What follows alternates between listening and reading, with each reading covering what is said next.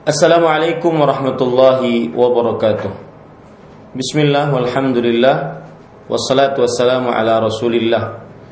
Para pemirsa yang dirahmati oleh Allah subhanahu wa ta'ala Innal hamdalillah Nahmaduhu wa nasta'inuhu wa nastaghfiruh Wa na'udhu billahi min syururi anfusina Sayyiati a'malina. Man yahdihillahu fala mudhilla lah Wa man yudlil fala وأشهد أن لا إله إلا الله وحده لا شريك له وأشهد أن محمدا عبده ورسوله. يا أيها الذين آمنوا اتقوا الله حق تقاته ولا تموتن إلا وأنتم مسلمون. يا أيها الناس اتقوا ربكم الذي خلقكم من نفس واحدة وخلق منها زوجها وبث منهما رجالا كثيرا ونساء واتقوا الله الذي تساءلون به والأرحام إن الله كان عليكم رقيبا. يا أيها الذين آمنوا اتقوا الله وقولوا قولا سديدا يصلح لكم أعمالكم ويغفر لكم ذنوبكم. ومن يطع الله ورسوله فقد فاز فوزا عظيما. أما بعد فإن أصدق الحديث كتاب الله وأحسن الهدي هدي محمد صلى الله عليه وعلى آله وسلم وشر الأمور محدثاتها وكل محدثة بدعة وكل بدعة ضلالة وكل ضلالة في النار Alhamdulillah kita bersyukur pada Allah Subhanahu wa taala pada hari ini hari Rabu pagi menjelang siang 24 Al-Muharram 1430 24 Safar 1438 Hijriah. Kita duduk bersafan 23 Safar 1438 Hijriah. Kita duduk bersama mengkaji ayat-ayat suci Al-Qur'an dan hadis-hadis Rasul Shallallahu alaihi wasallam yaitu di dalam program rutin membaca kitab Tanbihat ala Ahkam Takhtassu bil Mu'minat yang sudah diterjemahkan dalam bahasa Indonesia tuntunan praktis fikih wanita beriman yang ditulis oleh Fadilatul Syekh Al-Allamah Dr. Saleh bin Fauzan bin Abdullah Al-Fauzan hafizahullah taala. Salawat dan salam semoga selalu Allah berikan kepada Nabi kita Muhammad sallallahu alaihi wa ala alihi wasallam pada keluarga beliau, para sahabat serta orang-orang yang mengikuti beliau sampai hari kiamat kelak.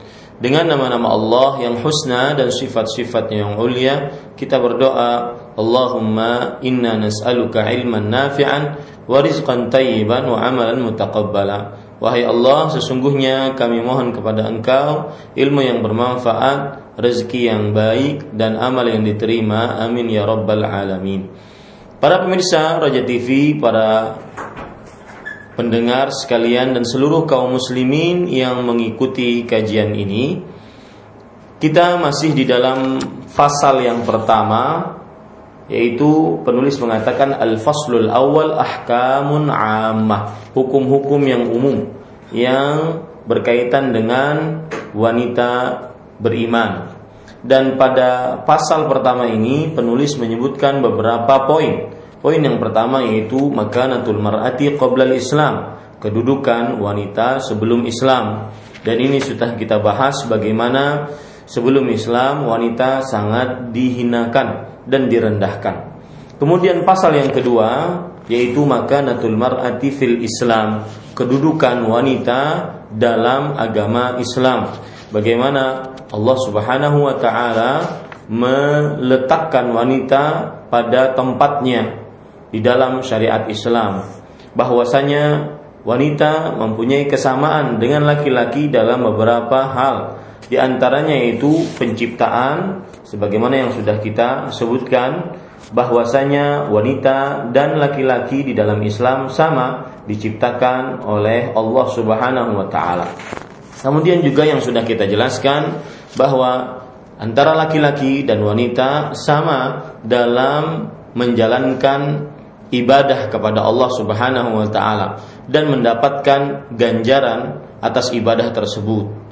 ataupun mendapatkan siksa apabila ibadah tersebut tidak dikerjakan atau melanggar larangan-larangan Allah Subhanahu wa taala. Dalam hal ini antara laki-laki dan wanita sama di dalam syariat Islam. Dan ini bentuk pemuliaan Allah Subhanahu wa taala terhadap wanita.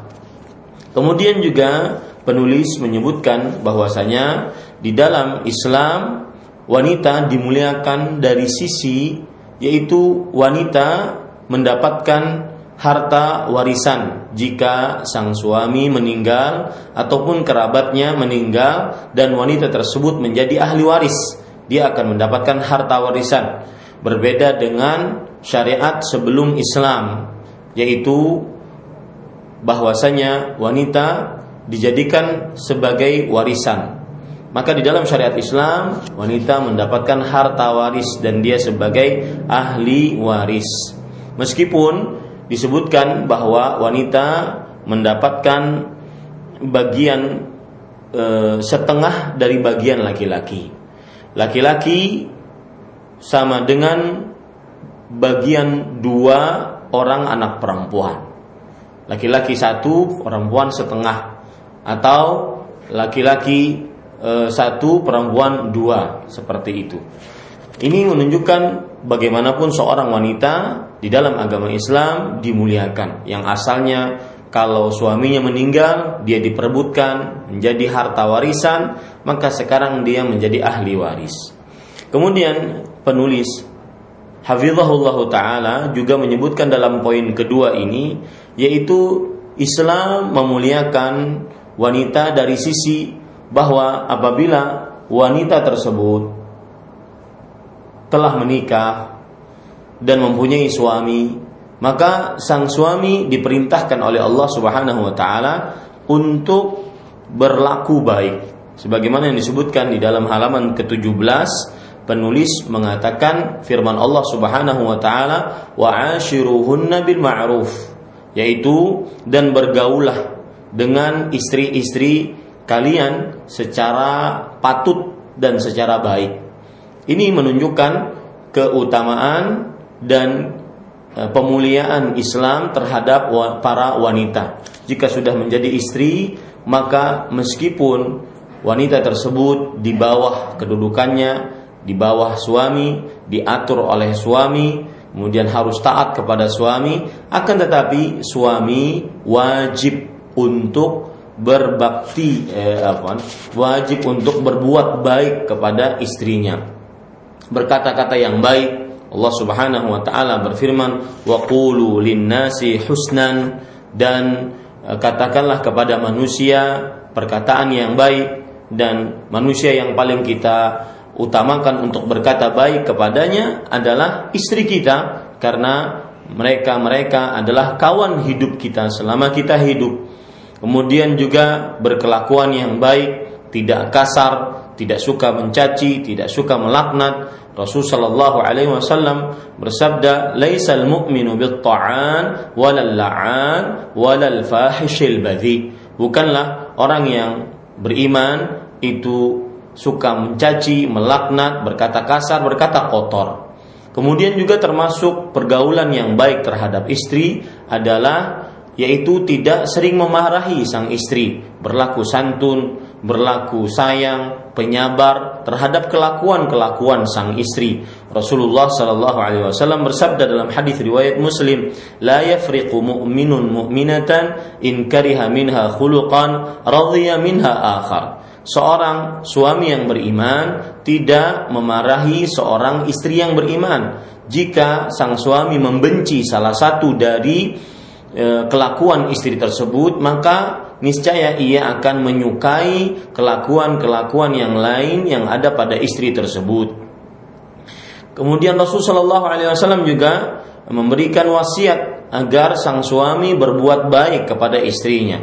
Istausu bin nisa'i khairan Aku wasiatkan kepada kalian, wahai para suami, untuk berbuat baik kepada para istri. Ini termasuk pengamalan surat An-Nisa ayat 19 tadi. Wa ashiruhunna bil ma'ruf dan gaulilah istri-istri kalian dengan baik. Kemudian juga Rasul Shallallahu alaihi wasallam pernah bersabda tentang hadis riwayat Imam Tirmidzi dan riwayat Imam Ahmad serta yang lainnya khairukum khairukum li ahlihi wa ana khairukum li ahli. Sebaik-baik kalian adalah suami yang paling baik kelakuannya terhadap keluarganya yaitu anak dan istrinya.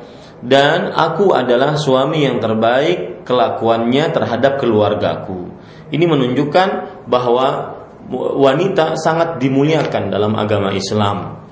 Kemudian juga penulis uh, Hafizahullah Ta'ala di dalam poin yang kedua ini menyebutkan salah satu pemuliaan Islam terhadap wanita adalah bahwa wanita tidak dapat dinikahi dan merupakan syarat dalam pernikahan adanya mahar.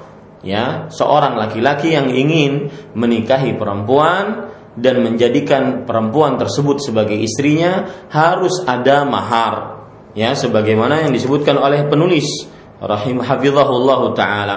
Penulis mengatakan wa ja'ala sadaqa haqqan laha wa amara bi'ta'iha iyyahu kamilan illa ma samahat bihi anti bi nafsin. Allah Subhanahu wa taala menjadikan mahar yaitu mas kawin sebagai hak bagi wanita dan memerintahkan untuk memberikannya kepadanya secara sempurna kecuali wanita tersebut memberikan kelonggaran untuk itu yang keluar dari kebaikan hatinya. Kecuali kalau seorang wanita mengatakan saya menerima nikahnya tanpa dia harus memberi mahar, maka ini diperbolehkan. Tapi asal hukumnya syarat menikah adalah senantiasa sang suami mempelai lelaki memberikan mahar kepada sang perempuan tersebut. Kemudian penulis menyebutkan dalil yaitu surat An-Nisa ayat e, 4 wa atun nisaa sadaqatihinna nihla fa in tibna lakum an syai'in minhu nafsan fakuluhu hani'an mari'a. Yang artinya berikanlah mahar kepada wanita yang kamu nikahi sebagai pemberian dengan penuh kerelaan. Kemudian jika mereka menyerahkan kepadamu sebagian dari mas kawin itu dengan senang hati, maka makanlah atau ambillah pemberian itu sebagai makanan yang menyenangkan. Quran surah An-Nisa ayat 4. Kalau seandainya misalkan seorang istri dari maharnya tersebut dia hadiahkan kembali kepada suaminya dengan perasaan yang tenang hati, senang hati, maka sang suami boleh mengambilnya. Ya, makanlah dengan perasaan yang menyenangkan.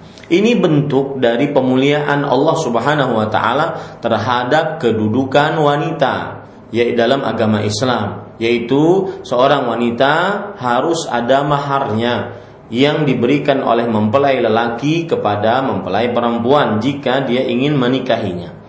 Kemudian juga di dalam poin kedua ini penulis menyebutkan yaitu bahwasanya termasuk pemuliaan Allah terhadap wanita adalah wanita bertanggung jawab terhadap rumah suaminya wanita bertanggung jawab terhadap anak-anak suaminya. Dia pemimpin di dalam rumah suaminya. Ini pemuliaan wanita oleh Allah Subhanahu wa taala di dalam agama Islam. Penulis mengatakan wa ja'alaha Allahu ra'iyatan amiratan nahiyatan fi baiti zawjiha amiratan ala auladiha قال صلى الله عليه وسلم والمرأة راعية في بيت زوجها ومسؤولة عن رعيتها وأوجب على الزوج نفقتها وكسوتها بالمعروف. Allah Subhanahu wa taala telah menjadikan wanita sebagai pemimpin yang dapat memerintah dan melarang di dalam rumah suaminya. Jadi ketika dia sudah menikah kemudian dimasukkan oleh suaminya ke dalam sebuah rumah, maka dia yang paling berhak untuk mengatur apa-apa yang ada di dalam rumah tersebut, perabotannya, warna rumahnya, kebersihannya, anak-anak suaminya, maka istri yang mengatur hal-hal itu semua, mengatur rumah tangga, bukan menjadi e, pemimpin semuanya ya karena yang menjadi pemimpin adalah para suami. Akan tetapi yang berhak untuk mengatur rumahnya di sini adalah sang istri. Dan ini bentuk pemuliaan Islam terhadap para wanita. Tidak seperti di zaman Arab jahiliyah yang mereka sangat dihinakan. Maka disebutkan oleh penulis dan melarang di rumah suaminya yaitu pen, wanita atau istri berhak untuk memerintah dan melarang di rumah suaminya dalam perabotan ini, dalam keadaan rumah seperti ini, dan sebagai ratu rumah tangga bagi anak-anaknya. Dialah yang mendidik anak-anaknya. Dia yang paling berkuasa atas pendidikan anak-anaknya. Ini menunjukkan pemuliaan seorang wanita dalam agama Islam. Kemudian penulis Syekh Al-Allamah Dr. Saleh bin Fauzan bin Abdullah Al-Fauzan hafizahullah menyebutkan dalil sabda Rasul Shallallahu Alaihi Wasallam riwayat Bukhari yaitu yang artinya wanita adalah pemimpin di dalam rumah suaminya dan akan dimintai pertanggungjawaban terhadap kepemimpinannya dan Allah Subhanahu wa taala mewajibkan kepada suami untuk memberikan nafkah ini juga nanti saya akan bahas ya bahwasanya termasuk pemuliaan Allah terhadap para wanita Allah Subhanahu wa taala mewajibkan kepada para suami untuk memberikan nafkah. Dan ini ada babnya tersendiri nantinya ketika kita membicarakan pernikahan ya ketika kita membicarakan pernikahan. Dan juga memberikan pakaian dengan baik terhadap istrinya. Ini termasuk nafkah sekarang pada eh, pagi hari ini kita masuk kepada poin yang ketiga. Ya, yang tadi sudah saya sebutkan adalah pengulangan terhadap yang sudah kita pelajari karena dua pekan saya libur karena satu dan lain hal.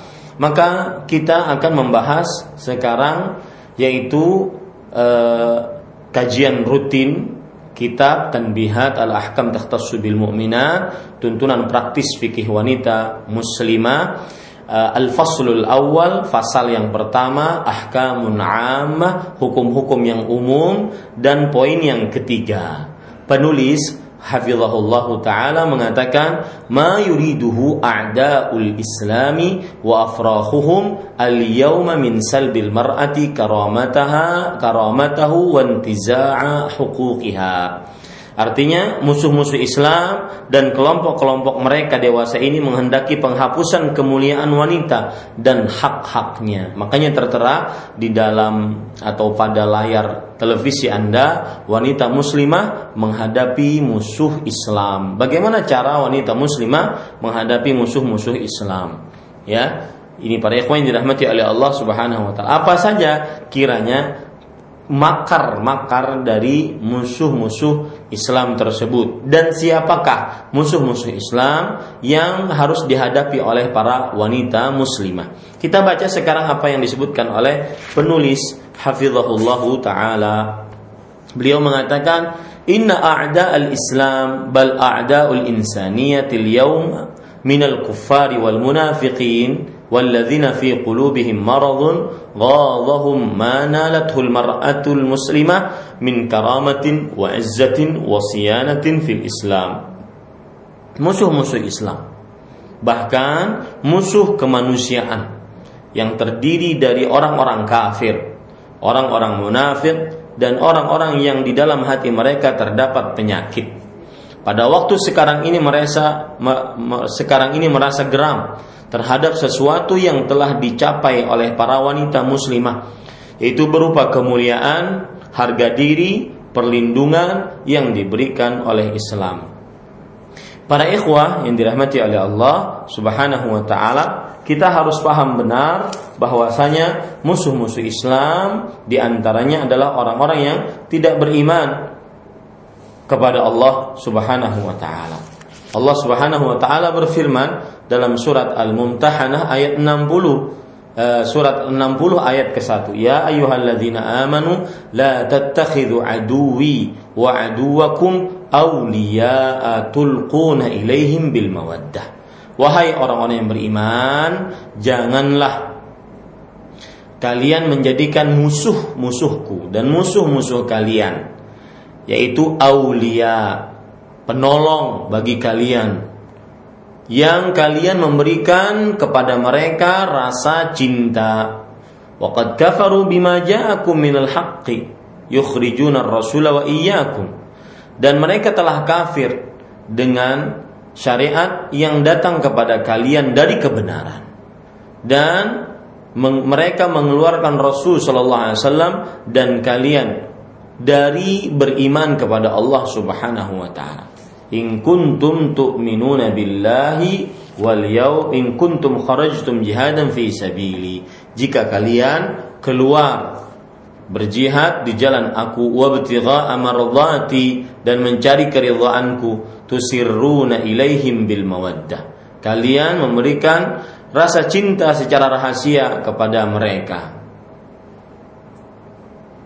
memberikan rasa cinta secara rahasia kepada mereka. Ini menunjukkan Bapak, Ibu, saudara-saudari yang dimuliakan oleh Allah, kata Imam Ibnu Jarir At-Tabari di dalam kitab tafsir At-Tabari, la tattakhidhu aduwi, jangan jadikan musuh-musuhku minal musyrikin, yaitu kaum musyrikin. Ini musuh-musuh Allah Subhanahu wa taala. Wa aduwakum awliya dan juga musuh-musuh kalian orang-orang musyrik berarti adalah musuh-musuh Allah dan musuh-musuh kaum beriman. Secara umum baik laki-laki ataupun perempuan. Aulia yakni ansaran yaitu menjadi penolong bagi kalian. Ya ini harus kita ketahui bersama bahwa orang-orang musyrik orang-orang kafir adalah musuh Allah dan musuh orang-orang beriman Makanya Allah Subhanahu wa taala berfirman di dalam Al-Qur'an uh, akan seorang uh, orang beriman dilarang untuk menjadikan orang-orang kafir sebagai penolong. Ya sebagai penolong. Ada kira-kira beberapa ayat yang menunjukkan akan hal itu saya bacakan. Di antaranya surat Ali Imran surat yang ketiga ayat 28 Allah Subhanahu wa taala berfirman, "La ta, la yattakhidhul mu'minuna al-kafirina awliya'a min dunil mu'minin." Artinya, orang-orang beriman tidak menjadikan orang-orang kafir sebagai penolong ya selain orang-orang beriman. Ini larangan dari Allah. Kabar yang berbentuk larangan. Di dalam ayat yang lain, Allah Subhanahu wa taala juga berfirman dalam surat An-Nisa, surat An-Nisa ayat 4 eh, surat keempat ayat 139. Allah Subhanahu wa taala berfirman, "Alladzina yattakhidhuna al-kafirina awliya'a min dunil mu'minin." ayabtaghuna 'indahumul 'izza fa innal 'izzata lillahi jami'an Orang-orang yang menjadikan orang-orang kafir sebagai penolong mengalahkan kaum beriman atau sebagai penolong dan tidak menjadikan kaum beriman sebagai penolongnya. Apakah mereka ingin mencari kemuliaan di sisi orang-orang kafir tersebut? Padahal sesungguhnya kemuliaan seluruhnya milik Allah Subhanahu wa taala. Ini dalam surah An-Nisa surat keempat ayat 139. Begitu juga larangan di dalam menjadikan orang-orang kafir sebagai kawan, sebagai penolong, sebagai pembela, ya. Harus menjadikan orang-orang kafir sebagai musuh, ya. Jangan jadikan sebagai penolong. Yaitu dalam surah An-Nisa ayat 144. Allah Subhanahu wa taala berfirman, "Ya ayyuhalladzina amanu la tattakhidul kafirina awliya'a min dunil mu'minin." Wahai orang yang beriman, janganlah kalian menjadikan orang-orang kafir sebagai penolong tanpa orang beriman. Aturidun an taj'alu lillahi alaikum sultanan mubina? Bukankah kalian menginginkan bahwasanya Allah Subhanahu wa taala memberikan kepada kalian kekuasaan yang nyata? Ingin kekuasaan yang nyata bukan dengan saling tolong menolong dengan orang kafir, bukan, ya.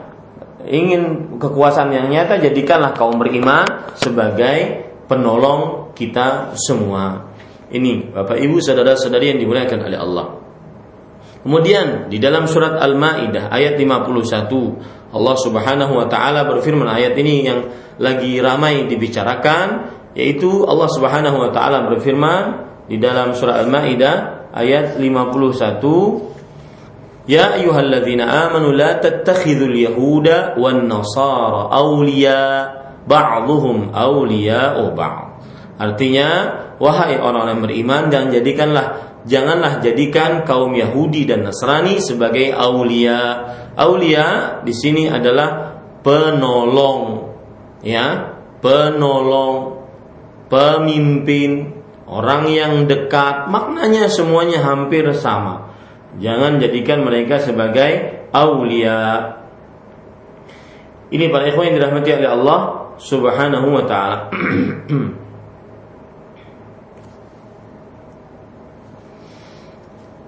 Kemudian Bapak Ibu saudara-saudari yang dimuliakan oleh Allah Subhanahu wa taala, ayat yang lain yang juga menunjukkan akan hal ini yaitu ayat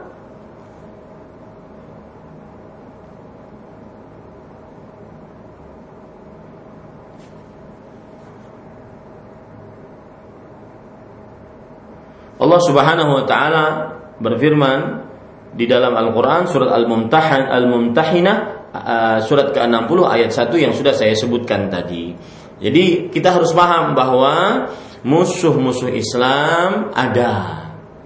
Ya, yaitu kaum Yahudi, kaum Nasrani, orang-orang musyrik dan juga orang-orang munafik dan orang-orang yang di dalam hati mereka terdapat penyakit. Allah Subhanahu wa taala sebutkan orang-orang yang di dalam hati mereka terdapat penyakit di antaranya ayat-ayat yang menunjukkan akan hal ini Allah Subhanahu wa taala berfirman dalam surat Al-Baqarah ayat 10 surat yang kedua ayat 10 menceritakan tentang orang-orang munafik. Fi qulubihim maradun fazadahumullahu marada walahum adzabun alimun bima kanu yakdzibun di dalam hati mereka terdapat penyakit dan Allah tambahkan kepada mereka penyakit dan bagi mereka siksa yang pedih ter, di, disebabkan apa yang telah mereka dustakan.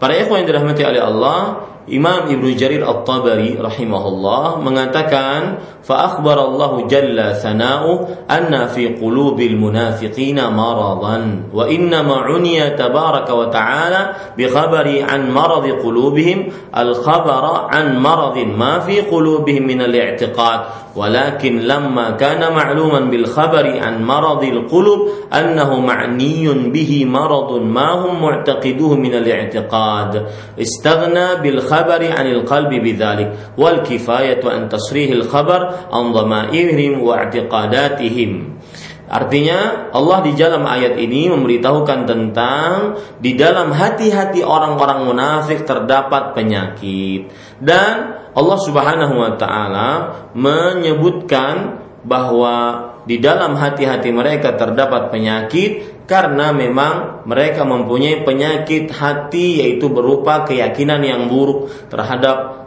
agama Islam. Nah, ini musuh-musuh Islam ya. Begitu juga Allah Subhanahu wa taala sebuah Subhanahu wa taala sebutkan di dalam surat Al-Maidah ayat 52. Ini juga orang-orang munafik. Fataral fi qulubihim. Maka engkau akan melihat orang-orang yang di dalam hati mereka penyakit. Yusari'una fihim. Bersegera di dalam mereka. Yaquluna nakhsha an tusibana dairah mereka takut mereka mengucapkan kami takut untuk tertimpa musibah. Ya ini para ikhwan yang dirahmati oleh Allah Subhanahu wa taala Kemudian juga Allah Subhanahu wa taala sebutkan dalam surat Al-Anfal surat ke-8 ayat 49 walladzina fi qulubihim maradun gharra haula'i dinuhum. Artinya idh yaqulul munafiqun walladzina fi qulubihim maradun. Dan ingatlah ketika orang-orang munafik berkata dan juga orang-orang yang di dalam hati mereka terdapat penyakit gharra haula'i dinuhum. Agama mereka telah menipu mereka. Nah, ini surat Al-Anfal ayat ke-49. Jadi ini juga termasuk musuh-musuh Allah Subhanahu wa taala. Dan saya berpesan, sudah beberapa kali saya sebutkan bahwasanya kemunafikan di dalam agama Islam ada setelah Nabi Muhammad Shallallahu alaihi wasallam berhijrah ke kota Madinah.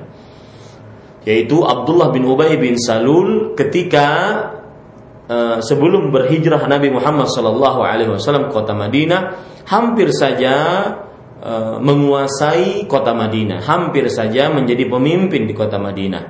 Dengan datangnya Rasulullah Shallallahu Alaihi Wasallam, maka kaum muslimin bahkan selain muslimin, mereka akhirnya me mengedepankan, memprioritaskan Rasulullah Shallallahu Alaihi Wasallam menjadi pemimpin di kota Madinah, menjadi pemimpin di kota Madinah. Akhirnya timbullah hari hasad di dalam diri Abdullah bin Ubay bin Salul.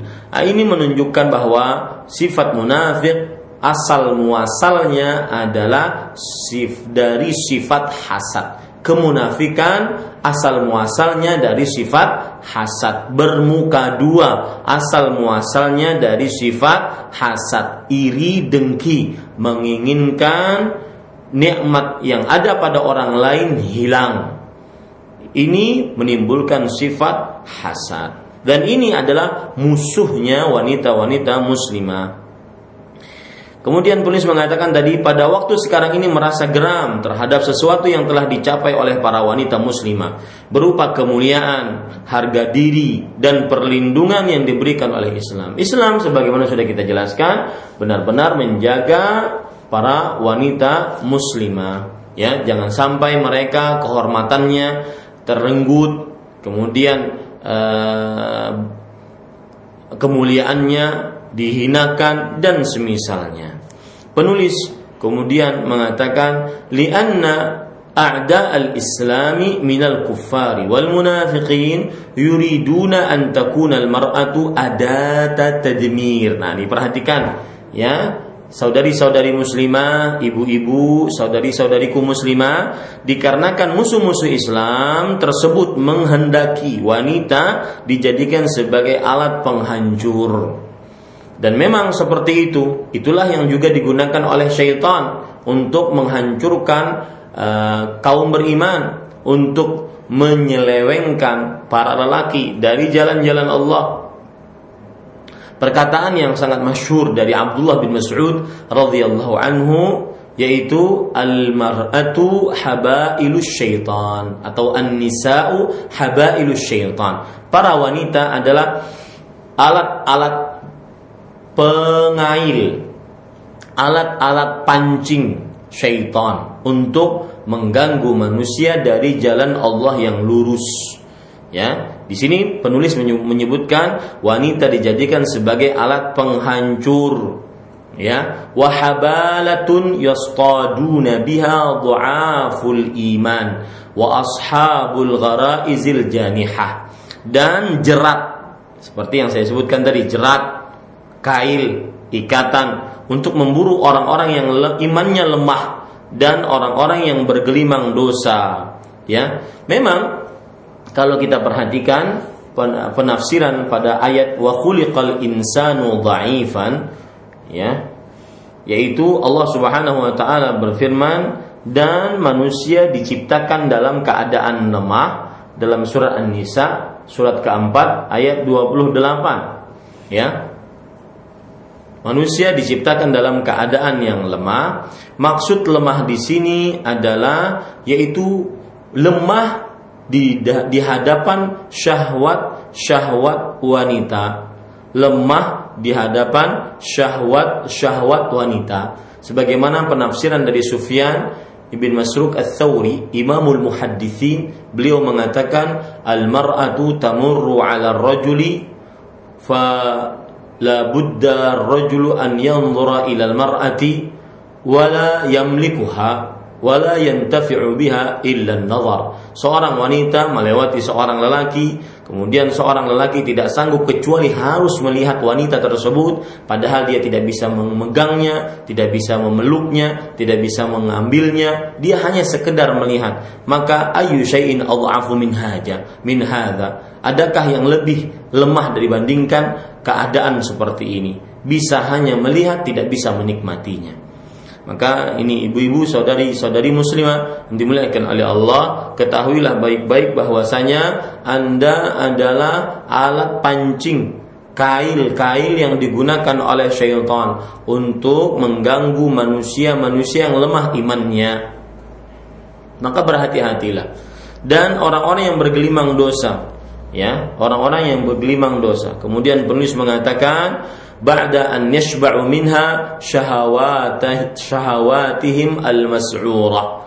Agar mereka dapat memuaskan hawa nafsu mereka yang selalu berkorbar qama qala ta'ala wa yuriduna alladhina yattabi'una asy-syahawati an tamilu mailan 'azima.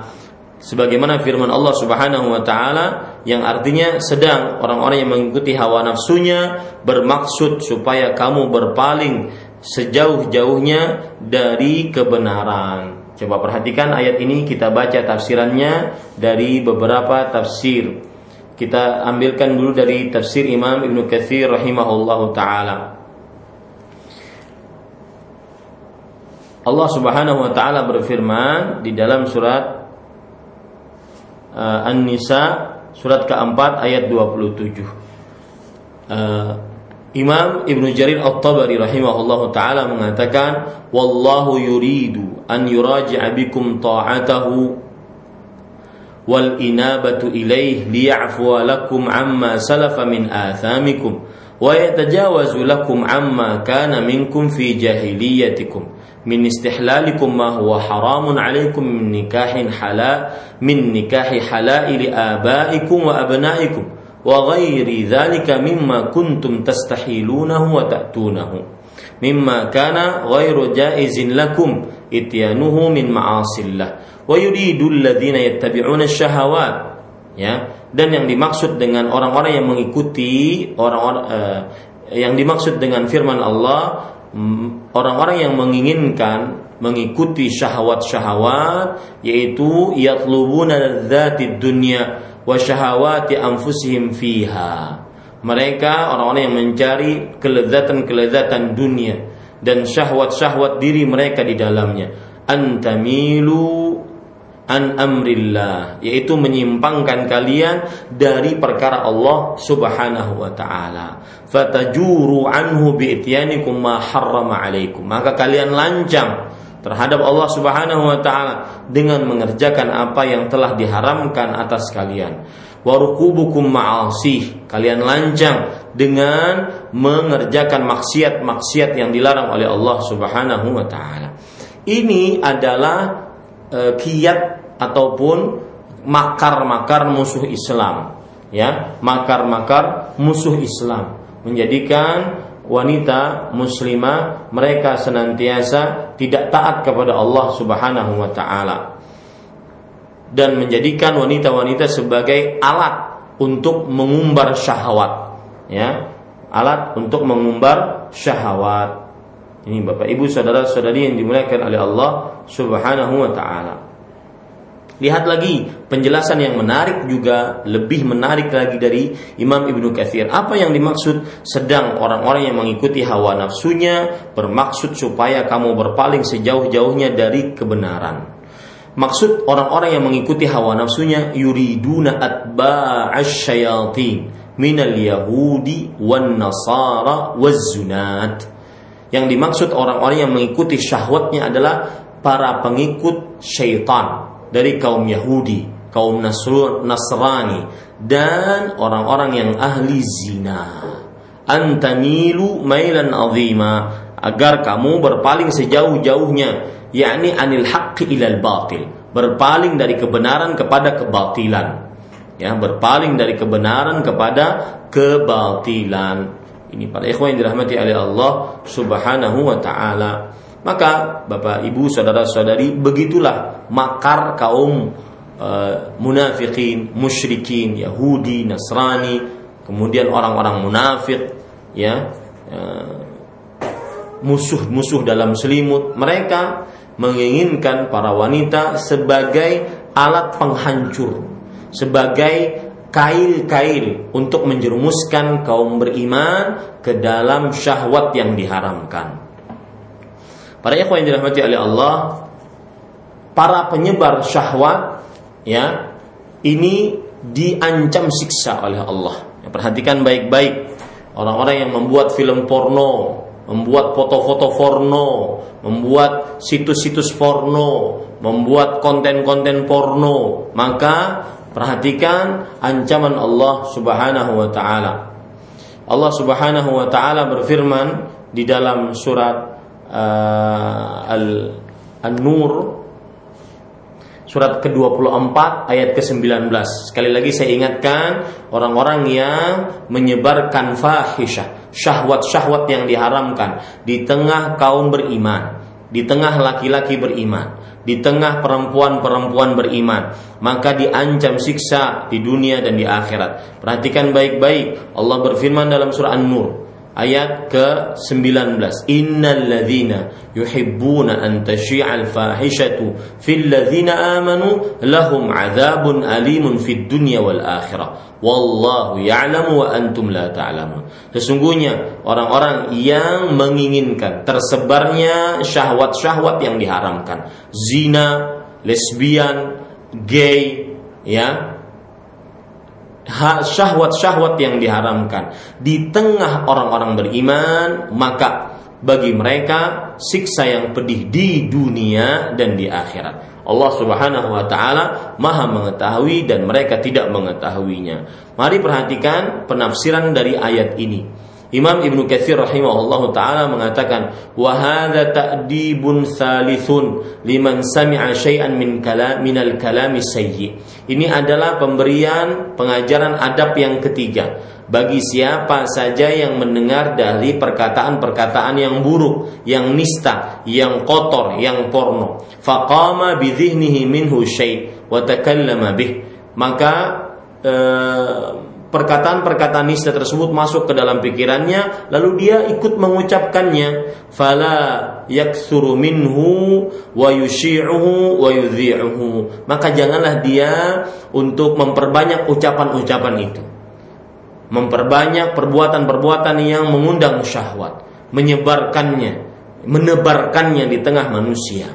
Kenapa? Karena Allah Subhanahu wa taala berfirman in sesungguhnya orang-orang yang menginginkan tersebarnya perbuatan nista di tengah orang-orang beriman maka lahum azabun alim. Bagi mereka siksa yang pedih di dunia bil haddi wa fil akhirah bil azab. Bagi mereka siksa yang pedih di dunia yaitu dengan hukum had hukum qisas ya di dunia.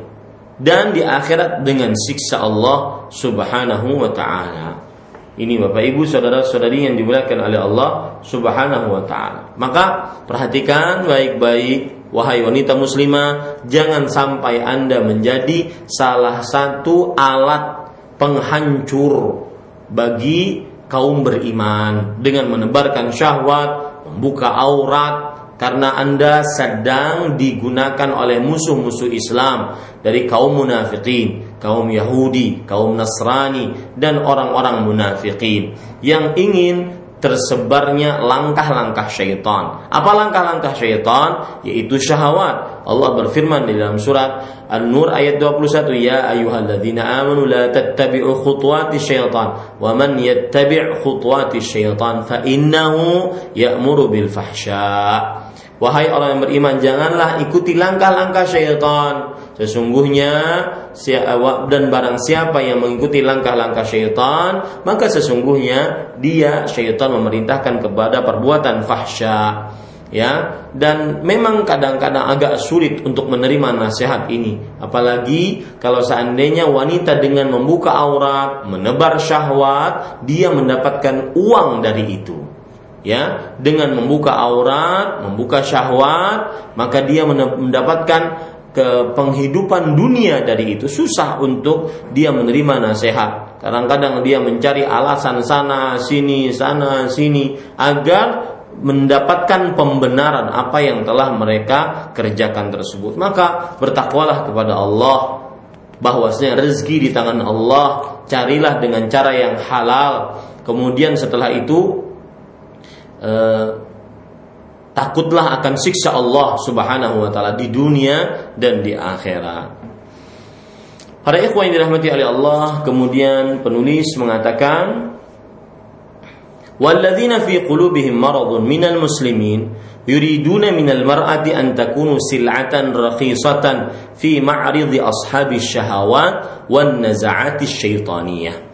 Orang-orang muslim di dalam hatinya yang di dalam hati mereka terdapat penyakit yaitu orang-orang muslim yang fasik. Ya, muslim dia, mungkin dia bukan munafik, tetapi dia menginginkan tersebarnya syahwat. Ya, karena hanya ingin mendapatkan harta. Ini orang-orang muslim yang fasik menghendaki agar wanita dijadikan barang dagangan yang bernilai rendah untuk ditawarkan kepada orang-orang yang bermoral bejat, pengikut hawa nafsu syaitan. Ya, barang dagangan dijadikan sebagai foto e, model yang mengumbar aurat, dijadikan sebagai e, apa namanya? sebagai aktor yang mengumbar syahwat, artis yang mengumbar syahwat, barang dagangan di, di diberikan uh, upah ataupun diberikan kompensasi atas pembukaan syah, auratnya tersebut dengan uh, hal-hal yang uh, harga yang murah ya sangat murah dibandingkan surganya Allah Subhanahu wa taala.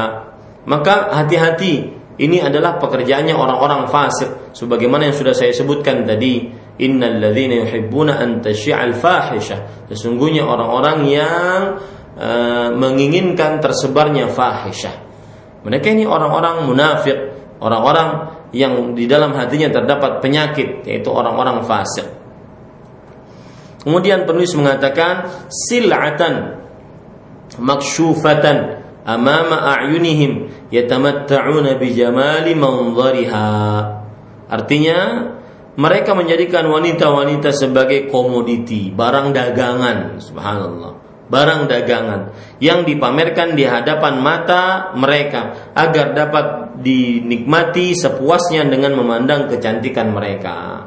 Maka ya jangan sampai seorang wanita muslimah menjadi barang dagangan yang dipamerkan kemudian dinikmati oleh mata-mata yang berkhianat. Allah Subhanahu wa taala berfirman, "Ya'lamu kha'inatal a'yun wa ma tukhfis sudur." Allah Maha mengetahui mata-mata yang berkhianat dan apa saja yang tersembunyi di dalam hati ya ini para ikhwan yang dirahmati oleh Allah kemudian penulis mengatakan au yutawassaluna minha ila ma huwa aqbahu min dzalik atau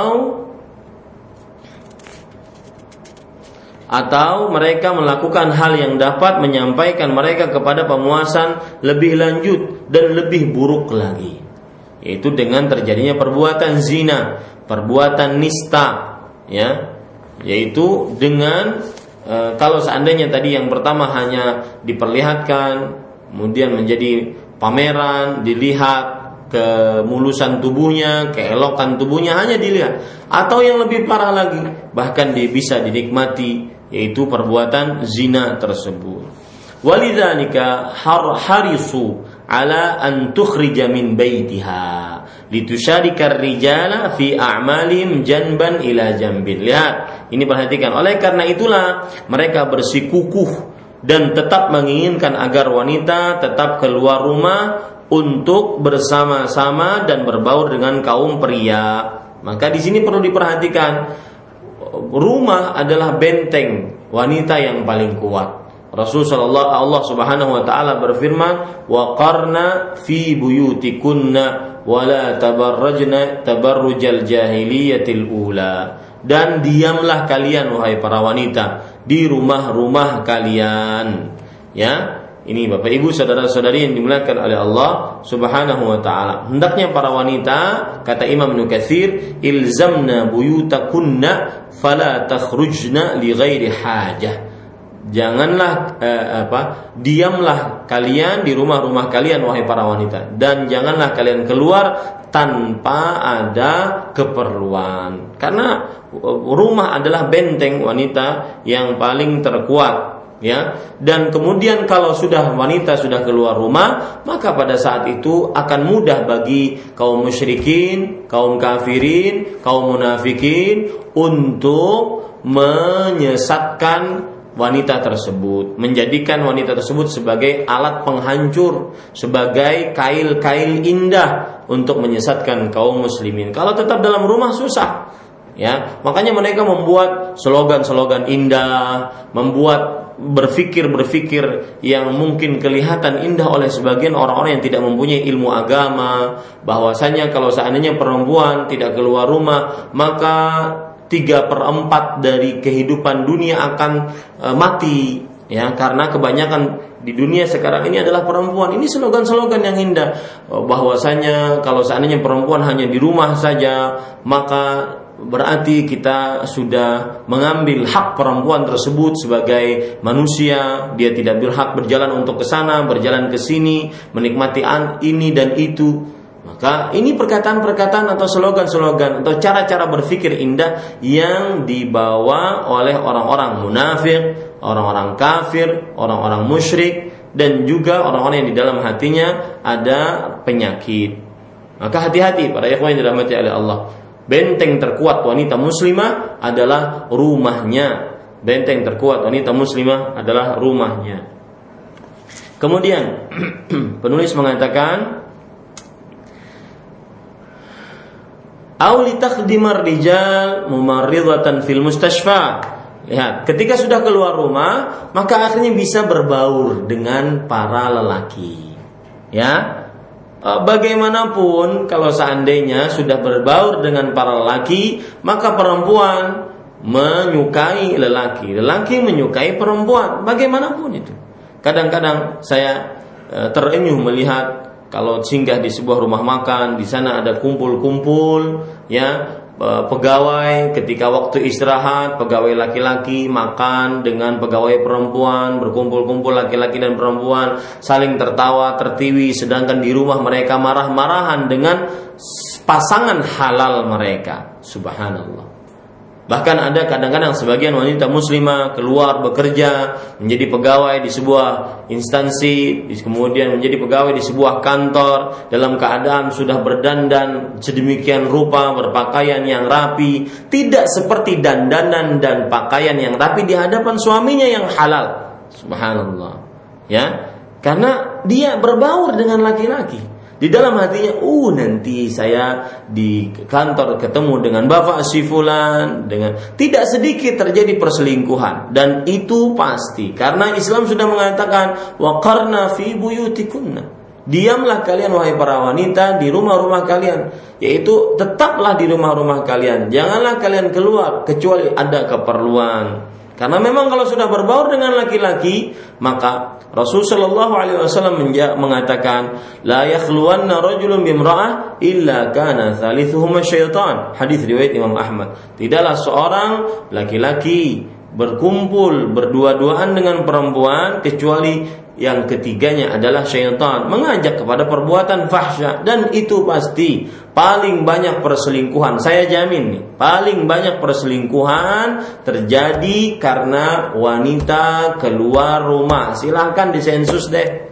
Ya paling banyak perselingkuhan terjadi ketika wanita sudah keluar rumah. Sudah mulai mengenal laki-laki yang bukan mahramnya. Sampai akhirnya kagum. Oh ternyata laki-laki ini uh, lebih baik dibandingkan suami saya sholatnya kelakuannya dan semisalnya. Mulai dia membanding-bandingkan. Mulai dia kagum. Akhirnya terperosok ke dalam perkara yang sangat nista yaitu penyelewengan dan juga perzinahan Kemudian perhatikan penulis kemudian mengatakan auli takdimar rijala mumardidatan fil mustashfa yaitu atau memberikan servis kepada laki-laki sebagai juru rawat di rumah sakit ya. Servis kepada laki-laki sebagai juru rawat di rumah sakit ya. Yang aturan dia merawat suaminya kemudian mengurus anak-anaknya, dia malah merawat orang lain. Suaminya yang sakit dia tidak urus, dia tidak rawat, tetapi dia malah merawat menjadi perawat laki-laki di rumah sakit dan laki-laki tersebut bukan mahramnya. Ini adalah langkah-langkah kecil yang dibuat oleh orang-orang kufar, musyrikin, munafikin dan orang-orang yang dalam hatinya agar wanita keluar dari rumahnya, keluar dari benteng dia yang terkuat. Kemudian perhatikan lagi, au mudhifatan fit ta'irat atau dijadikan sebagai pramugari air hostess di dalam pesawat terbang. Nah, subhanallah, ya. Ini para ikhwan yang dirahmati oleh Allah Subhanahu wa taala. Uh, ini juga termasuk makar yang dilakukan oleh orang-orang dan musuh-musuh Islam sehingga para uh, orang-orang yang terbang di pesawat tersebut merasa nyaman, melihat perempuan-perempuan yang cantik, melihat perempuan-perempuan yang uh, indah tubuhnya dan semisalnya. Ini termasuk makar-makar yang dibuat oleh orang-orang yang tidak beriman kepada Allah ataupun orang-orang yang beriman tetapi di dalam hatinya ada penyakit. Kemudian penulis mengatakan au atau dijadikan sebagai uh, afwan au darisa au mudarrisa fi fusulid dirasah al mukhtalitah yaitu dijadikan sebagai guru ataupun dosen di dalam ruangan kelas yang bercampur baur antara laki-laki dan wanita. Seorang wanita belajar boleh, tetapi tidak bercampur baur. Rasul Shallallahu Alaihi Wasallam bersabda, "Iyyakum waddukhula 'ala nisa." Jauhi oleh kalian memasuki tempat-tempat wanita Ya, karena ketika bercampur baur maka akan terjadi pandangan, pandangan turun ke hati, dari hati turun ke kemaluan. Ya, bercampur baur. Maka apa susahnya? Dan tidak ada susahnya kalau kita mengerjakan syariat Islam yaitu memisahkan antara laki-laki kelasnya tersendiri, perempuan kelasnya tersendiri, tidak bercampur baur, ya.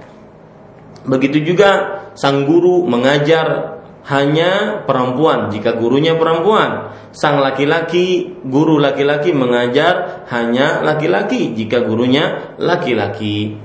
Kemudian penulis mengatakan juga au mudhi'atan fi wasaili afwan au mumathilatan fil masrah au mughanniyah atau dijadikan sebagai aktris bintang film baik di layar kaca maupun di panggung. Au mughanniyah atau sebagai penyanyi ya. Padahal Rasulullah Shallallahu alaihi wasallam telah bersabda tentang bahayanya apabila keluar wanita-wanita sebagai penyanyi ya sebagai penyanyi. Nabi Muhammad Shallallahu alaihi wasallam bersabda saya kunu fi ummati khasfun wa maskhun wa qadhfun. Akan terjadi di dalam umatku uh, khasfun yaitu bumi longsor wa qadhfun hujan batu. Wa maskhun perubahan wajah. Menjadi bentuk-bentuk yang aneh. Kapan itu? Idza zaharatil qayyinat. Jika telah nampak ya telah nampak al-qayyinat. Al-qayyinat maksudnya di sini adalah wanita-wanita penyanyi dan penari. Wanita-wanita penyanyi dan penari coba perhatikan hadisnya itu diriwayatkan oleh Idza zaharatil qayyinat ya yaitu apabila telah nampak penyanyi-penyanyi dan penari-penari.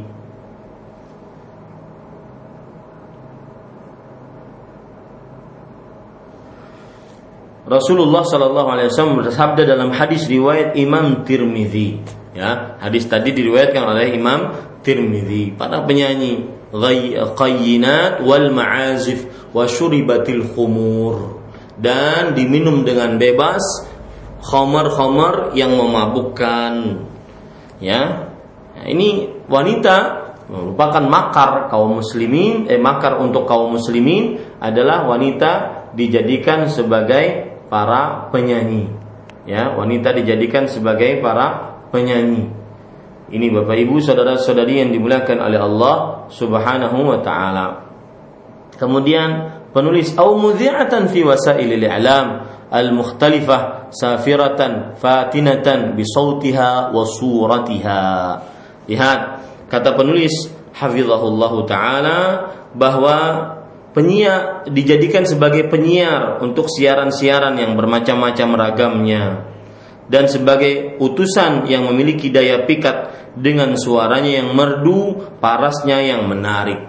Ya, dua-duanya suaranya sudah dimerdukan, kemudian parasnya yang menarik. Padahal Allah Subhanahu wa taala berfirman, "Wa qarna fi buyutikunna wa la tabarrajna tabarrujal jahiliyatil ula." Di dalam ayat yang lain Allah Subhanahu wa taala berfirman, eh, "Fala takhda'na bil qaul fayatma'a alladhi fi qalbihi marad wa qulna qawlan ma'rufa." Surat Al-Ahzab surat yang ke-33 ayat 32. Saya ulangi ayatnya, ya nisa an-nabi lastunna ka ahadin minan nisa. Wahai istri Nabi, kalian tidak seperti wanita biasa. Ini taqaytunna. Jika kalian bertakwa kepada Allah. Takwa itu bagaimana? Fala taqda'na bil qaul. Takwa adalah maka janganlah kalian melemah lembutkan ucapan di hadapan laki-laki yang bukan mahram. Fayatma alladhi fi qalbihi marad. Maka orang-orang yang di dalam hatinya akan tamak kepada kalian wa qulna qawlan ma'rufa tetapi berkatalah dengan perkataan yang baik ini menunjukkan larangan ya kita memperlihatkan suara kita yang lembut atau wanita memperlihatkan suaranya yang lembut dan juga ditambah dengan paras wa, wajah yang sangat menarik. Kemudian penulis mengatakan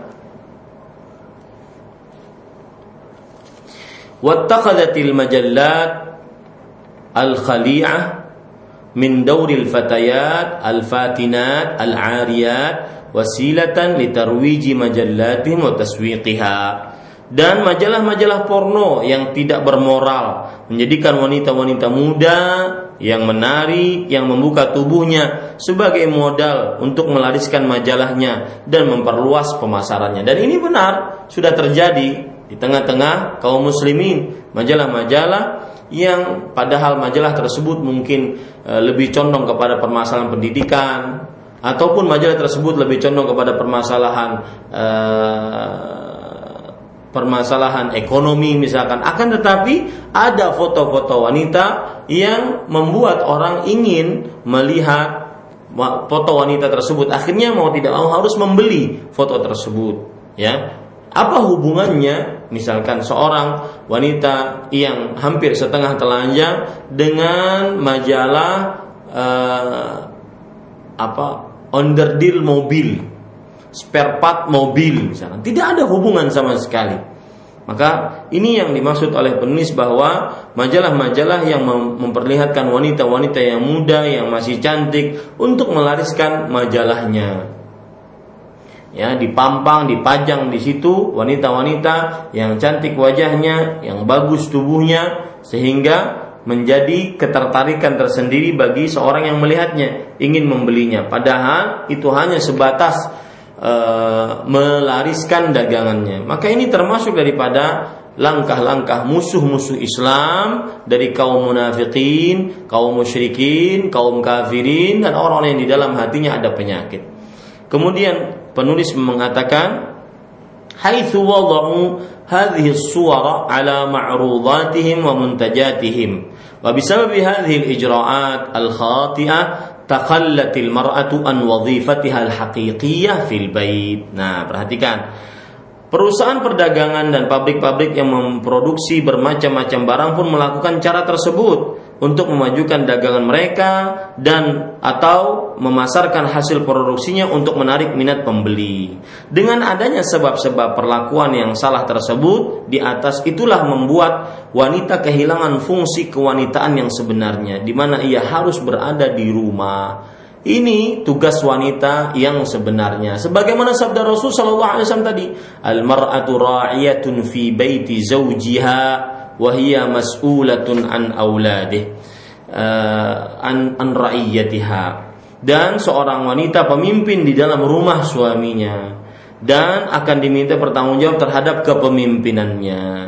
Ini ibu-ibu saudari-saudari muslimah yang dimuliakan oleh Allah Subhanahu wa taala. Mimma turra azwajuhunna ila jalbil khadimat. Nah, datang masalah baru karena istri-istrinya bekerja di luar rumah tidak bisa mengerjakan mengerja, mengerjakan pekerjaan-pekerjaan rumah yang merupakan pekerjaan asli wanita, maka akhirnya dengan hilangnya fungsi itu, maka suami-suami mereka terpaksa harus mengambil pembantu wanita asing ya. Litarbiyati auladihim untuk memelihara dan mendidik anak-anak mereka watanzimi syu'uni buyutihim. Dan untuk mengurus urusan rumah mereka mimma sabbaba kathiran minal fitan wa jalbi aziman minasyurur wa jalaba aziman minasyurur artinya wa jalaba aziman minasyurur yang artinya adalah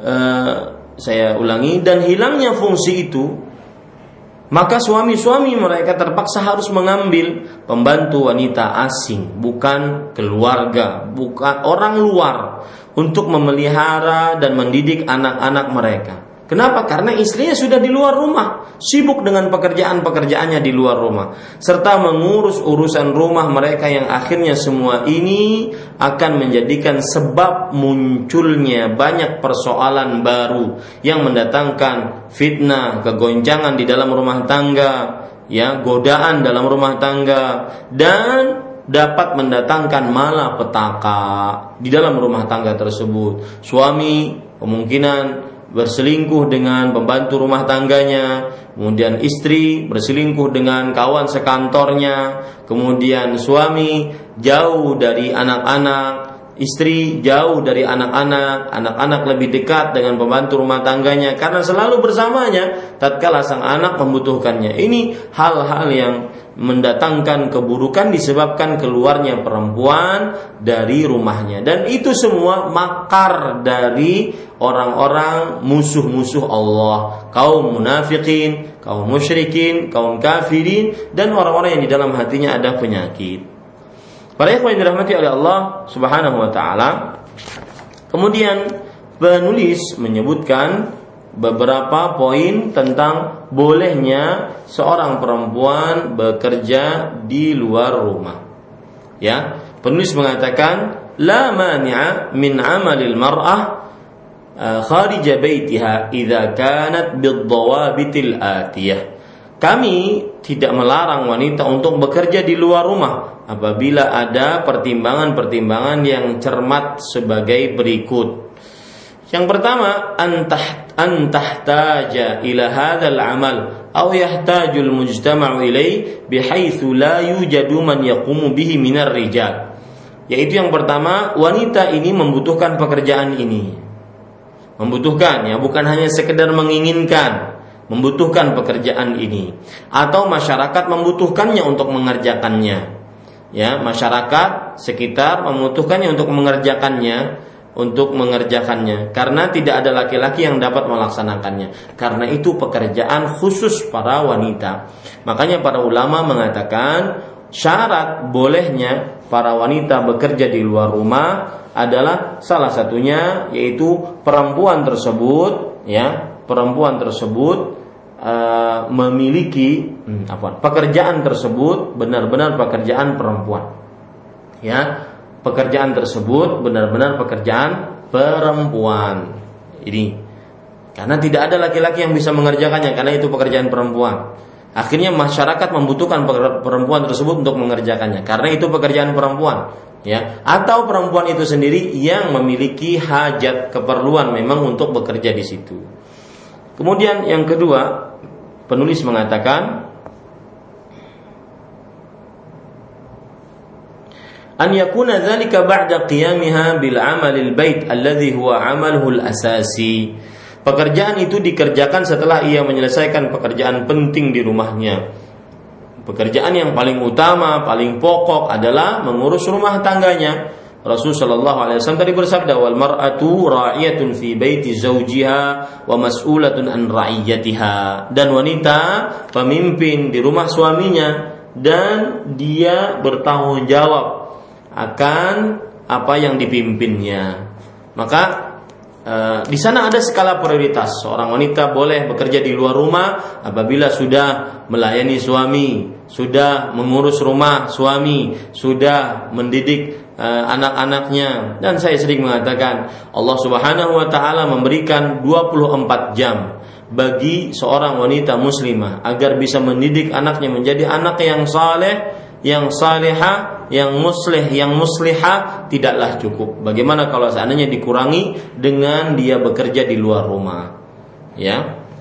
Kemudian yang ketiga yaitu ayyakuna hadzal amalu fi muhitin nisa ka ta'limin nisa wa tatbibu wa tatbib atau tamridun nisa wa yakunu mun'azilan 'anil rijal. Pekerjaan itu berada di lingkungan wanita seperti mengajar wanita, mengobati dan merawat wanita dan hendaknya terpisah dari laki-laki.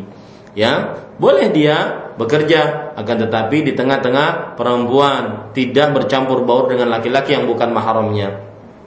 Makanya para ulama mengatakan bahwasanya syarat wanita bekerja di rumah di luar rumah yang kedua yaitu jangan sampai pekerjaannya tersebut melanggar larangan-larangan Allah di antaranya ikhtilat bercampur baur antara laki-laki dan perempuan. E, kemudian memakai minyak wangi, berdandan di hadapan laki-laki yang bukan mahramnya dan semisalnya. Pelanggaran-pelanggaran syariat jika terjadi, maka perempuan haram untuk mengerjakan pekerjaan tersebut. Yang keempat, كذلك لا مانع بل يجب على المرأة أن تتعلم أمور دينها ولا مانع أن تعلم من أمور دينها ما تحتاج إليه ويكون التعليم في محيط النساء ولا بأس أن تحضر الدروس في المسجد ونحوه وتكون مستترة ومنعزلة عن عن الرجال على ضوء ما كانت النساء في صدر الإسلام ya'malanna wa yata'allamna wa yahdurna ilal masajid. Demikian pula tidak ada larangan bahkan wajib atas wanita untuk mempelajari urusan agamanya. Rasul Shallallahu alaihi wasallam bersabda, eh, "Talabul ilm fardhatun ala kulli muslim." Menuntut ilmu adalah wajib bagi setiap muslim. Muslim di sini bisa laki-laki, bisa perempuan.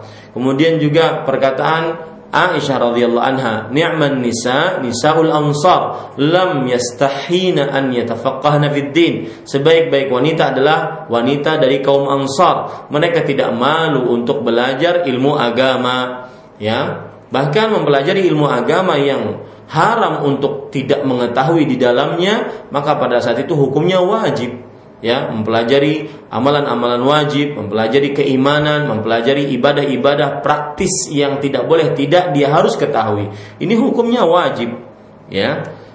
Bahkan wanita wajib atas wanita untuk mempelajari urusan agamanya dan tidak ada larangan wanita mengetahui dari urusan-urusan agamanya yang ia butuhkan dan hendaknya pengajaran itu berada di lingkungan wanita.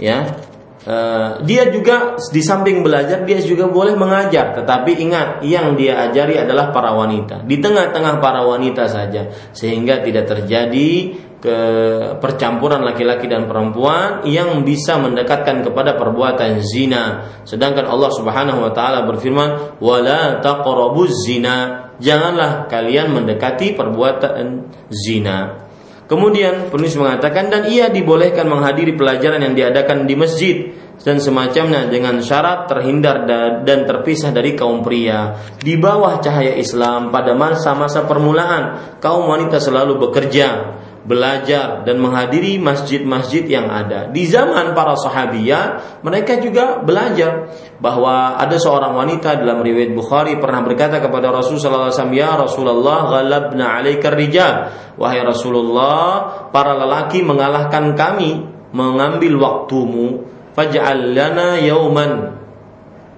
Maka jadikan untuk kami para wanita satu hari kamu mengajari kami maka akhirnya Rasulullah Sallallahu Alaihi Wasallam berjanjian dengan para wanita tersebut di sebuah tempat pada suatu hari untuk mengajari mereka perkara-perkara agama mereka. Ini menunjukkan bahwasanya diperbolehkan seorang perempuan untuk belajar agama di masjid-masjid atau di sekolah-sekolah dengan catatan tidak terjadi ikhtilaf yaitu pertampuran antara laki-laki dan perempuan atau tidak terjadi khalwat yaitu berkumpulnya laki-laki dan perempuan berdua-duaan. Maka ini Bapak Ibu saudara-saudari yang dimuliakan oleh Allah. Kalau ingin diringkas para ulama menyebutkan syarat bolehnya perempuan bekerja di luar rumah yang pertama yaitu pekerjaannya itu khusus bagi wanita. Tidak boleh melakukan pekerjaan laki-laki. Ya, tidak boleh melakukan pekerjaan laki-laki. Yang kedua yaitu pekerjaannya tersebut e, tidak melanggar hal-hal syariat, tidak melanggar syariat-syariat Islam. Ya, tidak ada dandan di hadapan laki-laki yang bukan mahram, tidak ada bercampurnya laki-laki dengan e, perempuan dengan laki-laki tidak berdua-duaan dan semisal tidak membuka aurat pokoknya tidak melanggar syariat-syariat Islam yang ketiga yaitu bahwasanya seorang wanita boleh bekerja di luar rumah apabila dia telah mengerjakan tugas yang prioritas dia yaitu mengurus rumah suaminya, melayani suaminya, mendidik anak-anaknya. Maka pada saat itu baru dia diperbolehkan untuk bekerja di luar rumah. Dan sebenarnya permasalahan ini masih panjang ya. Insya Allah Taala pada kesempatan yang lain kita akan bahas tentang bahwa uh, apa pekerjaan, apakah Eh, apa hukum Islam ataupun apa hukumnya seorang wanita bekerja di luar rumah? Apa hukumnya seorang wanita bekerja di luar rumah? Insya Allah Taala pada pertemuan yang akan datang kita akan lebih membahas lagi permasalahan ini. Mudah-mudahan yang disampaikan bermanfaat dan dengan demikian selesai bab yang pertama ahkamun amah hukum-hukum yang umum. Insyaallah taala kita akan lanjutkan pada eh, kajian-kajian selanjutnya. Wallahu alam. Saya kembalikan kepada akhi Ari hafizahullah taala.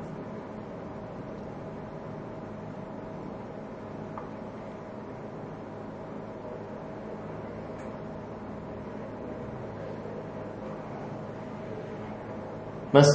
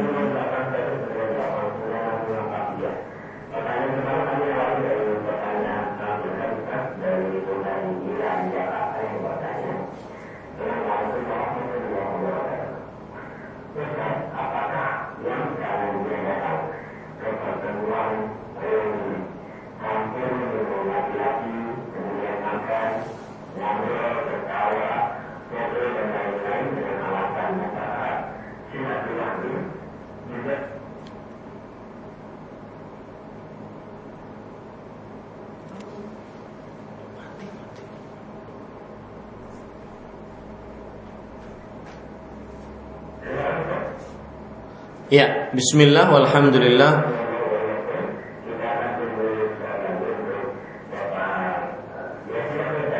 Ya. Ya, bisa didengar. Bismillah.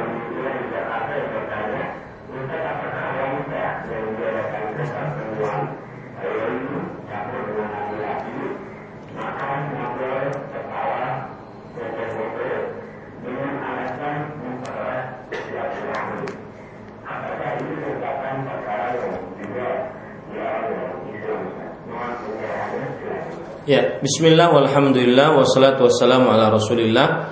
Para pemirsa yang dirahmati oleh Allah Subhanahu wa taala, saya ingin menyebutkan dulu kata silaturahim atau silaturahmi. Ya, dalam kamus besar bahasa Indonesia, silaturahmi bisa juga disebut dengan silaturahim dan silaturahmi tali persahabatan atau persaudaraan. Ya, ini kalau dalam kamus besar bahasa Indonesia menyambung silaturahim berarti menyambung tali persahabatan atau tali persaudaraan. Dari dua-duanya bisa, baik itu persaudaraan karena hubungan darah atau persahabatan perkawanan sebagaimana disebutkan dalam pertanyaan tadi bahwa Rioni kawan-kawan SD, kawan-kawan SMP, kawan-kawan SMA, kawan-kawan kuliah dan semisalnya. ya silaturahim. Adapun dalam bahasa Arab silaturahmi yaitu ar-rahim yang di sini maksudnya adalah eh, orang-orang yang mempunyai hubungan kekerabatan karena pertalian darah atau karena perkawinan karena pertalian darah ataupun karena perkawinan. Jadi kawan biasa yang tidak ada hubungan pertalian darah ataupun perkawinan maka tidak disebut dalam bahasa Arab silaturahim. Ini sedikit pengetahuan ya. Tetapi karena pertanyaannya pakai bahasa Indonesia maka kita benarkan silaturahmi atau silaturahim dua-duanya benar dan yang dimaksud adalah menyambung tali persahabatan antara kawan sesama SD, sesama SMP, sesama SMA, sesama kuliah atau yang semisalnya. Maka apa hukumnya mengadakan reuni seperti ini sehingga di dalamnya terjadi eh, percampuran antara laki-laki dan perempuan, ngobrol antara laki-laki dan perempuan, bercanda antara laki-laki dan perempuan yang tidak ada hubungan kekerabatan. Lihat, ini yang saya yang saya singgung. Makanya saya eh, di awal tadi saya ingatkan bahwa ada beda antara arti bahasa Indonesia dengan arti bahasa Arab. Kalau silaturahmi ataupun silaturahim dalam bahasa Indonesia adalah tali persaudaraan ataupun tali persahabatan. Bisa kerabat yang merupakan mahram, bisa tidak kerabat yang bukan yang yang bukan merupakan mahram. Maka apabila bukan mahram, maka ini diharamkan dalam agama Islam.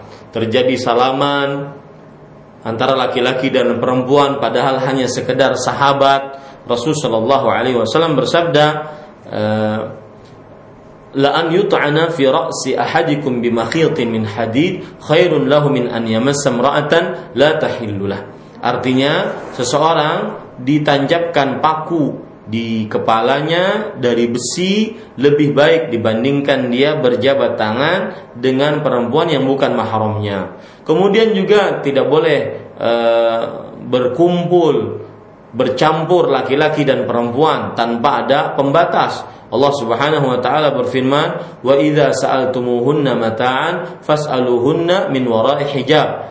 Dan jika kalian para sahabat Nabi meminta makanan dari istri-istri Nabi alaihi wassalatu wassalam, maka mintalah dari balik hijab. Jangan berhadap-hadapan, jangan bercampur antara laki-laki dan perempuan. Harus ada hijabnya. Ya. Ini para ikhwan yang dirahmati oleh Allah. Kemudian yang saya ingin ingatkan juga, sahabat sejati adalah sahabat yang mengajak untuk bertakwa karena sahabat-sahabat seluruhnya nanti di akhirat akan menjadi musuh kecuali sahabat yang bertakwa. Allah Subhanahu wa taala berfirman, "Al-akhilla yauma idzin ba'dhum li ba'dhin aduwwun illal muttaqin."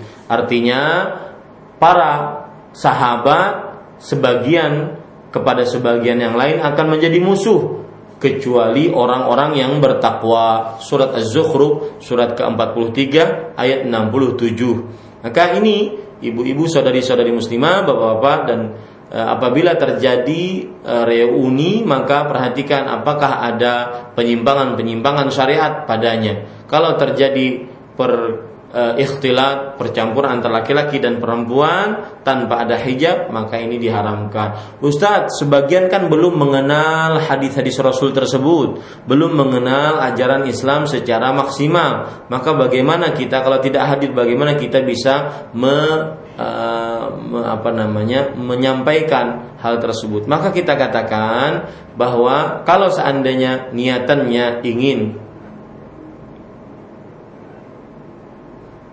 Ya.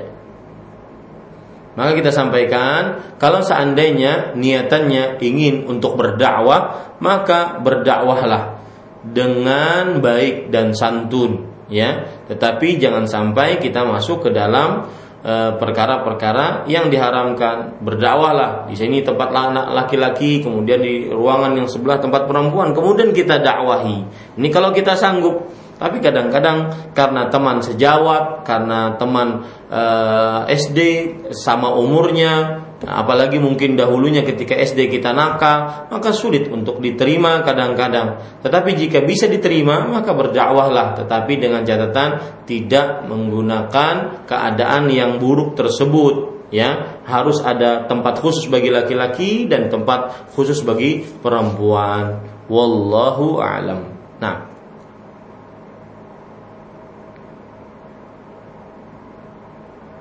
la vez que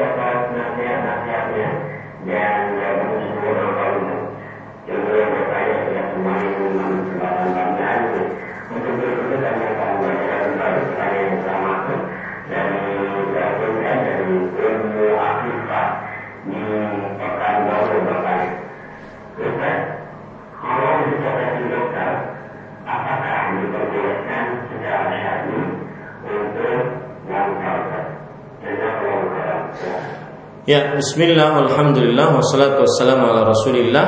Para pemirsa yang dirahmati oleh Allah subhanahu wa ta'ala uh, Yang saya pahami dari pertanyaan tadi Kalau seandainya ingin berkonsultasi ke dokter Seorang wanita muslimah ingin berkonsultasi ke dokter Maka diusahakan mencari dokter yang perempuan untuk berkonsultasi terutama perkara-perkara yang berkaitan dengan bagian dalam tubuh perempuan yang dengan konsultasi tersebut perempuan membuka auratnya. Maka berusaha semaksimal mungkin untuk mencari dokter-dokter yang perempuan ya untuk mencari dokter-dokter yang perempuan. Dan alhamdulillah para dokter-dokter perempuan sekarang banyak. Dan ini juga menjadi perhatian bagi kaum muslimah bahwasanya jika seorang wanita muslimah ingin menuntut ilmu kedokteran kemudian meniatkan dirinya untuk mengurusi dan mengobati eh, pasien-pasien yang perempuan dari kaum muslimah maka ini mendapatkan pahala yang sangat besar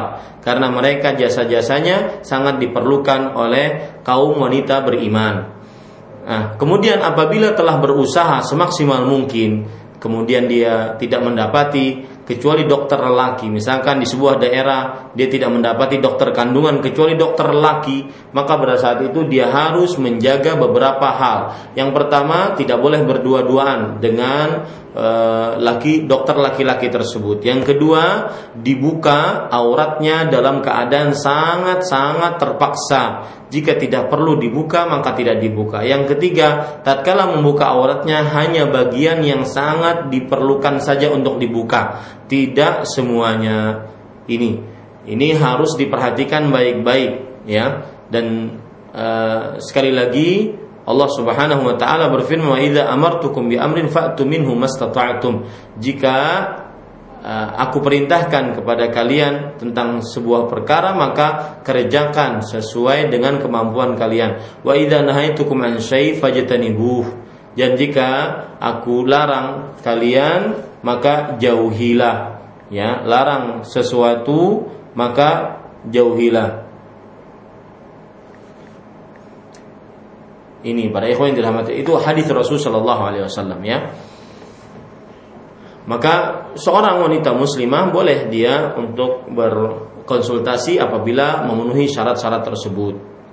Adapun eh, apabila yang dimaksud dari pertanyaan adalah wanita muslimahnya menjadi konsultan ya didatangi oleh para lelaki. Maka dia harus eh, menutup diri tidak bertatap muka tidak berdua-duaan memakai hijab dengan pasien-pasiennya yang lawan jenis ya dengan pasien-pasiennya yang lawan jenis.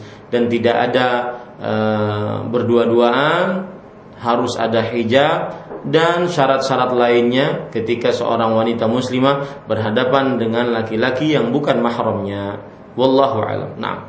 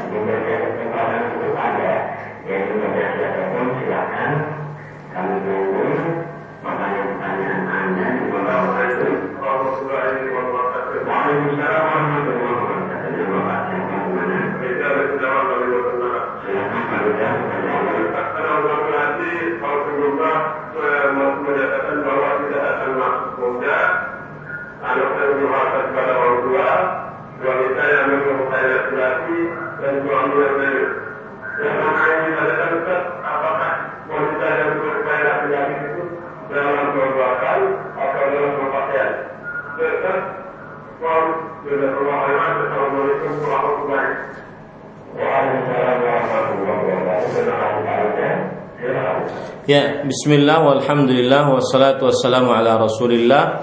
Bapak ibu saudara-saudari yang dimuliakan oleh Allah Termasuk dosa besar adalah seorang wanita Menyerupakan diri dengan laki-laki. Ya, kenapa disebut dosa besar? Karena di dalam hadis-hadis yang mengancam tentang wanita yang menyerupakan diri dengan laki-laki terdapat laknat dan Abdullah bin Abbas radhiyallahu anhuma mengatakan kullu dzambin khatamallahu binar aw la'na aw ghadab aw adzab fahiya fahuwa kabira. Setiap dosa yang diancam oleh Allah dengan laknat, neraka, siksa dan murka, maka dia adalah dosa besar. Dan para ikhwan yang dirahmati oleh Allah dalam hadis riwayat Imam Ahmad Rasul sallallahu alaihi wasallam bersabda la'ana Rasulullah sallallahu alaihi wasallam al-mukhannithina minar rijal wal mutarajjilati minan nisa Qala faqultu ma mal mutarajjilatu minan nisa qala al mutasyabbihatu minan nisa birrijal. Rasulullah sallallahu alaihi wasallam melaknat. Lihat, Rasul sallallahu alaihi wasallam mempunyai kepribadian yang sangat santun, sangat penyayang terutama terhadap umatnya. Tetapi ketika beliau melaknat ini menunjukkan bahwa perbuatan tersebut sangat-sangat tercela. Rasulullah wasallam melaknat laki-laki yang menyerupakan dirinya dengan perempuan dan perempuan yang menyerupakan dirinya dengan para lelaki. Dan beliau ditanya, apa yang dimaksud al-mutarajjilatu minan nisa? Yang dimaksud adalah wanita-wanita yang menyerupakan dirinya dengan laki-laki.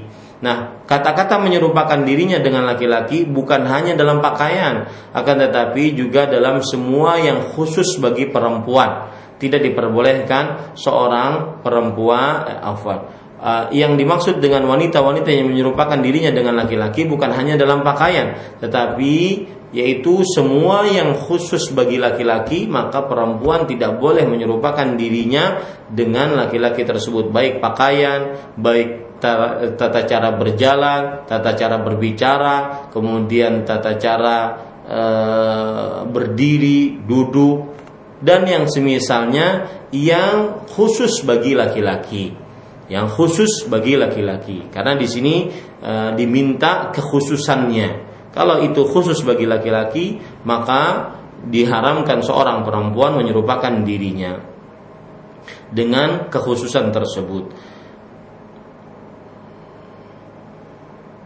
Ya, itu kira-kira hadis tentang e, larangan Rasulullah Sallallahu Alaihi Wasallam bagi para wanita yang menyerupakan dirinya dengan laki-laki. Jadi bukan hanya sekedar pakaian, akan tetapi juga kelakuan yang khusus bagi laki-laki. Wallahu a'lam. Nah.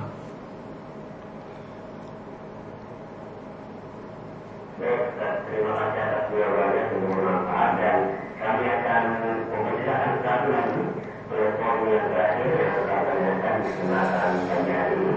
Anda silakan. Halo. Halo, Assalamualaikum. Waalaikumsalam warahmatullah. Dari siapa yang Halo, Bu. Halo, ya, Ibu Sri, Pak Lema. Silakan Ibu Sri pertanyaannya. Ustaz. Ya, Ustaz. Assalamualaikum. Waalaikumsalam warahmatullahi wabarakatuh. Iya, Ustaz. Saya kan jualan kerudung. Terus saya kan memakai patungnya ada gambar patungnya kepala juga dari jualan. Ya. Ya, dan saya tanyakan hukumnya gimana? Karena ada yang bilang patung itu nggak bisa masuk di rumah. Masuk juga ya? Iya, tolong menjelaskannya ya Ustaz. Ya, terima kasih. Assalamualaikum. Waalaikumsalam warahmatullahi wabarakatuh. Uh, mungkin diulangi pertanyaannya.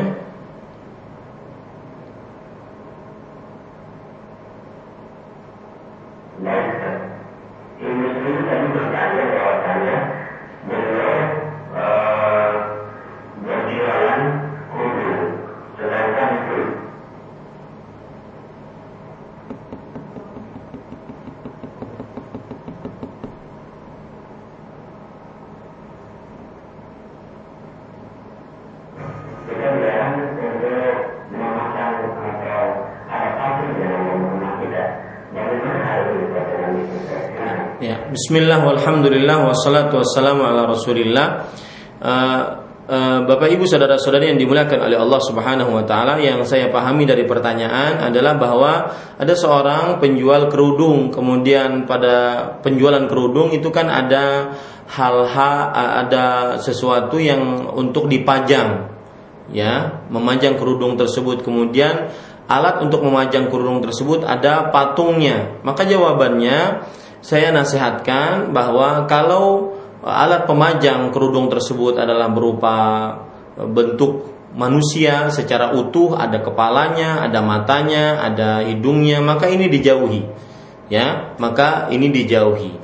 Kalau seandainya ingin juga memajang kerudung dengan e, alat pemajang, maka jangan sampai yang ada kepalanya ataupun kalau seandainya ada kepalanya maka jangan sampai ada mata, hidung dan semisalnya yang menunjukkan bahwa dia makhluk hidup. Karena ditakutkan nanti masuk ke dalam hadis Rasul Shallallahu Alaihi Wasallam bahwasanya kita dilarang untuk menyimpan patung di dalam rumah kita. Karena Rasul eh, para malaikat tidak akan masuk yang eh, sebuah tempat yang ada kerudu eh, yang ada patung di dalamnya. Ya uh, innal malaikata la tadkhulu baitan fihi timsal. Sesungguhnya para malaikat tidak akan masuk ke dalam rumah yang di dalamnya ada patung ay kama qala Nabi sallallahu alaihi wasallam. Ya, maka jauhi uh, untuk memajang dengan alat pajangan yang di dalamnya yang pada alat pajangan tersebut berbentuk patung ya. Kalau seandainya mungkin ada tangan ya tangannya jangan terlalu membuat seperti manusia kan tidak diperlukan ada tangan jari jemarinya juga. Kalau seandainya ada kepalanya maka kepalanya itu dihilangkan. Ataupun ada kepalanya juga maka tidak memakai e, mata kemudian ada hidungnya ada bibirnya dan sebagainya karena itu tidak diperlukan ketika kita memajang barang. Wallahu alam dalam uh, hadisnya Rasul Shallallahu Alaihi Wasallam bersabda, al malaikatu la tadkhulu baitan fihi kalbun wala surah. Bahwa para malaikat tidak akan masuk ke dalam rumah yang di dalamnya terdapat anjing ataupun gambar. Wallahu a'lam. Nah.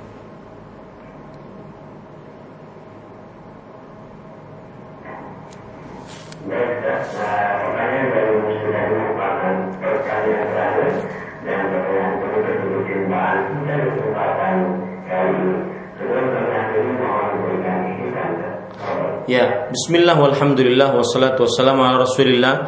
Para pemirsa yang dirahmati oleh Allah Baik itu para lelaki yang membawahi kaum wanita Ataupun kaum wanita muslimah, saudari-saudariku muslimah Yang cantik, yang baik hati Maka terimalah nasihat dari saya Dari hati yang paling dalam bahwasanya kesucian wanita muslimah lebih berharga dibandingkan harta apa pun yang didapat dengan menggadaikan kesucianmu. Demikian semoga bermanfaat. Wassalamualaikum warahmatullahi wabarakatuh.